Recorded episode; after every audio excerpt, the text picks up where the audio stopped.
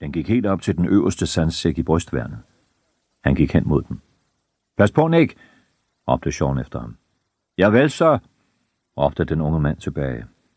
Han stillede geværet fra sig, i det han adræt ændrede op ad stigen. Sean anslog, at de stadig var 300-400 meter fra frontlinjen, og skumringen faldt hurtigt på. Himlen under skyerne havde en purpurfarvet fløjlsglød. Ikke en belysning for sniskytter, og det vidste Van der Hever, for på trods af sin unge alder var han en trænet soldat. Hans kig op over kanten af brystværnet ville være hastig, som en marekats ud af sit hul. Sean så Van der Hever krybe sammen øverst på stigen, løfte hovedet et kort nu og så dukke sig igen. Vi er for langt til højre for bjerget, råbte han ned. Bjerget var en lav bakke, der hævede sig sølle 50 meter over den ellers ensformige slette. En gang havde det været tæt bevokset med træer, men nu stod der kun splindrede stammer på knap en meters højde tilbage, og bakkesiden var furet af granathuller. Hvor langt er der til bondegården? spurgte Sean med blikket rettet opad. Bondegården var et tavløst rektangel af sønderskudte mure, der stod med forsiden vendt mod midten af bataljonens sektor. Den blev brugt som indskydningspunkt for både artilleri, infanteri og luftvåben. Jeg kigger lige en gang til, sagde van der Hever og løftede hovedet igen. Mausergeværet afgiver et let genkendeligt smæld, en høj og i lyd, som Sean havde hørt så ofte, at han uden besvær kunne fastslå retning og afstand. Det var et enkelt skud på omkring 500 meters afstand, næsten stik ud for dem. Van der Hevers hoved fløj bagover, som om han havde fået et kraftigt stød, og stålhjelmen klingede som en gong-gong.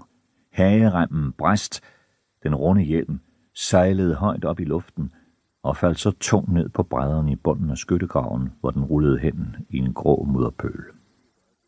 Von der Hevers hænder knugede et øjeblik endnu om det øverste trin på stigen, så åbnede de nerveløse fingre sig, og han tumlede baglæns ned i bunden af skyttegraven, mens kappen slog flagrende op omkring ham. Sean stod som stivnet, vantro. Hans hjerne havde endnu ikke accepteret den kendskærning, at Nick var blevet ramt. Men soldaten og jægeren i ham vurderede med ærefrygt dette ene skud. Han havde aldrig set noget lignende. 500 meter i dette halvmørke.